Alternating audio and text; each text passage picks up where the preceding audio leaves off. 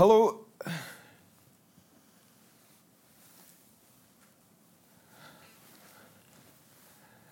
Je hebt geen uh, inleiding voorbereid. Welkom in Winteruur, Sophie van de Velde. Galerist, galeriehouder, uh, ondernemer met kunstenaars, noem ik je zo? Hoe noem je jezelf uh, het liefst? Ondernemer in kunst. Ondernemer in kunst, ja. ja. En in praktijk betekent dat wel dat je onder andere twee galeries um, bestiert met een team van uh, meer dan elf mensen of zoiets. En uh, dat je kunstenaars ook coacht, denk ik. Klopt dat? Ja, de, de, de job van galerist wordt vaak heel eng beschreven, namelijk in een galerie zitten, ja, deuren open Een soort winkelier. Hè? Winkelier, ja. maar dat is absoluut uh, niet waar. Ja. Wij ondersteunen kunstenaars in hun proces. We gaan zien hoe dat we ze in de beste andere galerieën over de wereld kunnen plek geven. In musea, wij maken boeken, wij schrijven voor onze kunstenaars. Dus het is veel uh, verfijnder dan enkel en alleen dat. En vandaar meer ondernemer in uh, kunst. Ja, ja. En uh, dat je hebt leren kijken naar, reflecteren over en praten over kunst. Dat, is, dat weten de mensen ook wel die jou in stukken van mensen hebben bezig gezien. Al, uh, blijft dat eigenlijk nog verder gaan, dat programma? Ja, we zijn, uh, ja, we zijn net gestopt met opnames. Ah, ja. Dus ja, we gaan een volgend seizoen nog doen. Oké. Okay.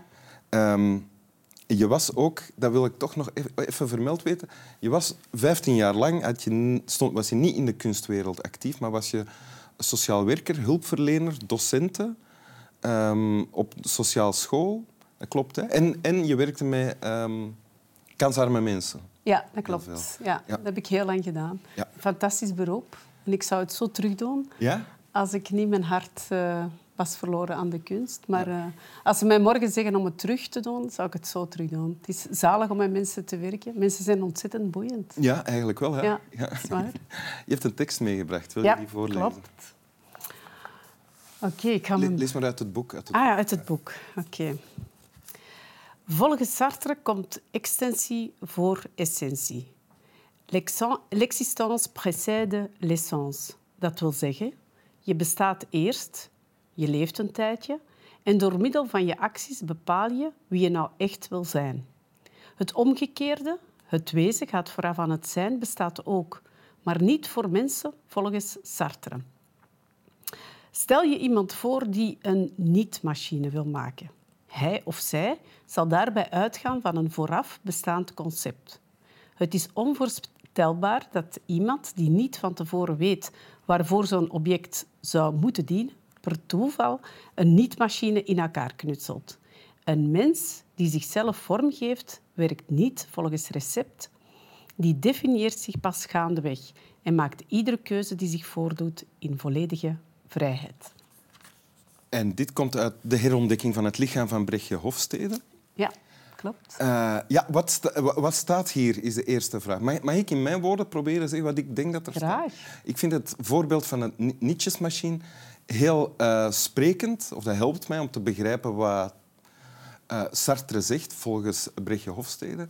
Namelijk, een nietjesmachine is gemaakt, bedacht door iemand die vooraf wist ik ga iets maken om uh, papieren aan elkaar te nieten. Klopt. op een andere manier zou dat nooit uitgevonden zijn.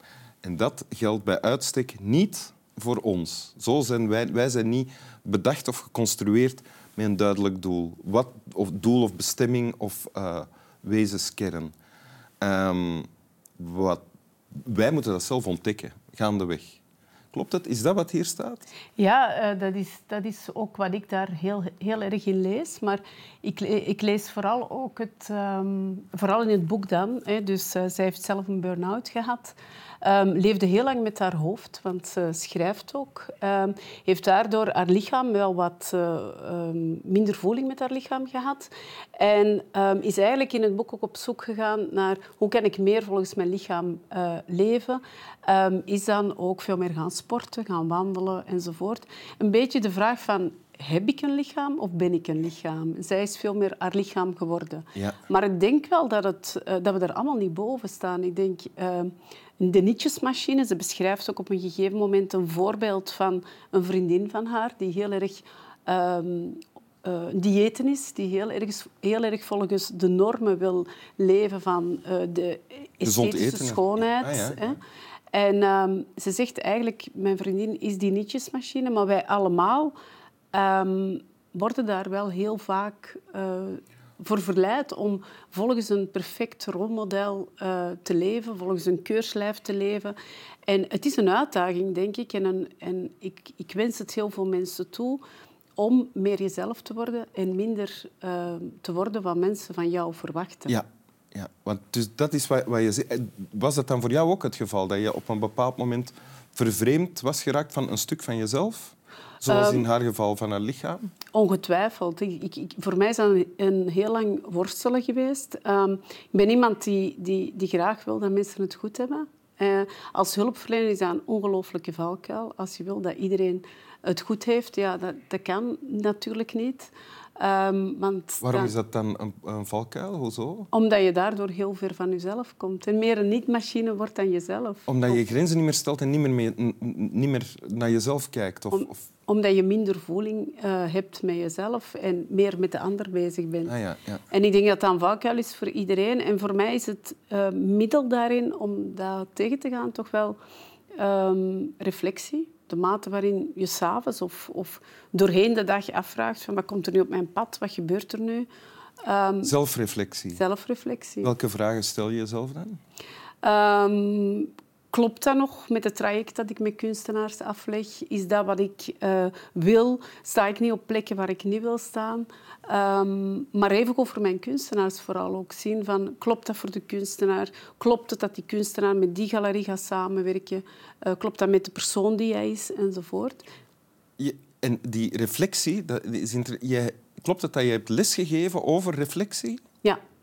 Ik heb een opleiding gevolgd, uh, begeleider in de reflectieve leermethode heette dat. Dat is twee jaar een postgraduaat en ging alleen over reflecteren. Reflecteren op verschillende niveaus, op lichamelijk niveau, maar evengoed over op, op bedrijfsniveau van hoe gaat het financieel, hoe gaat het praktisch, wie doet wat, wat is de back-office. Dus al die niveaus. En het doel van het reflecteren voor jou is zo dicht mogelijk bij jezelf zijn of blijven of komen? Uh, zo dicht mogelijk bij jezelf zijn, maar ook bij de, in het geval van een bedrijf, zo dicht mogelijk bij de doelstelling van je bedrijf blijven, bij de waarden en normen die je als groep hebt gedefinieerd. Uh, om een voorbeeld te geven van uh, mijn kunstenaars waar ik mee samenwerk, ik vind het heel belangrijk dat kunstenaars hun kunstgeschiedenis goed kennen. Ja. En hoe beter dat ze die kennen, hoe meer dat zij kunnen zeggen wie ben ik zelf en wat kan ik ten aanzien van die geschiedenis toevoegen met wie zij zijn. En kunnen zij beginnen um, verkennen, doorgaan, uh, zoeken uh, in die thematiek, trouw aan zichzelf uh, aan, en iets toevoegen dan, dan wat er al is. Anders krijgen we opnieuw een nieuwe Picasso of een nieuwe Vasarelli enzovoort. En dat is belangrijk. Ik ben ook geen galerist die als een studio's visie toe. Kunstenaars willen graag duidelijkheid. Die vragen dan, hoe reageert de markt bijvoorbeeld op mijn kunst? Ja ik zal niet makkelijk zeggen, die blauw verkopen goed en wel groot moeten doen. Uh, dat is interessant. Ik ga eerder terug naar de inhoud en met hen uh, het gesprek aan van... Ja, waar loopt het tegenaan? Wat, dus gaat er eigenlijk geef je geen antwoord op die vraag? Ik geef geen antwoord. Ik denk dat we elkaar meer vragen moeten stellen soms. Eerder dan antwoorden bedenken. Ik ben ook iemand die heel vaak, ze mij vragen wat is uw mening daarover, ook zegt van ik heb daar geen mening. Mm. Ik heb daar wel een mening over, maar is het relevant om hier in deze context te brengen? Ik denk dat er andere mensen zijn die.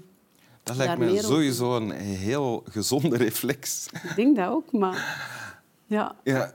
Dat heeft niks te maken met het feit dat ik geen mening heb, maar dat heeft te maken dat ik het niet relevant vind om op dat moment daar een mening over te geven. Ja.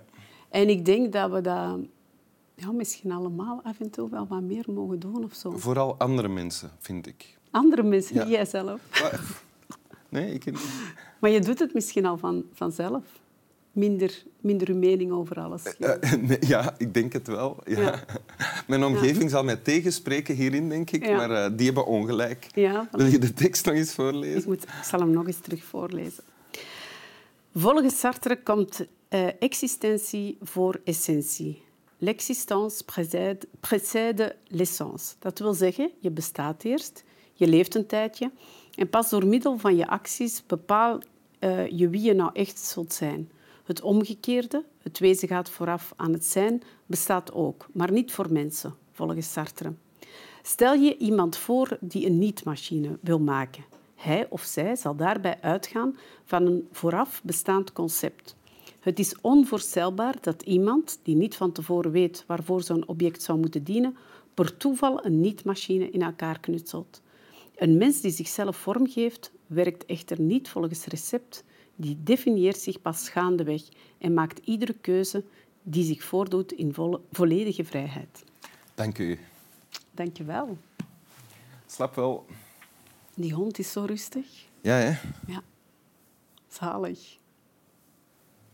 Wat zou hij allemaal denken nu? Of zij? Ja, denken honden.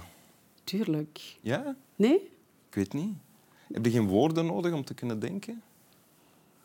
Ik denk wel dat hij denkt. Tuurlijk. Nee?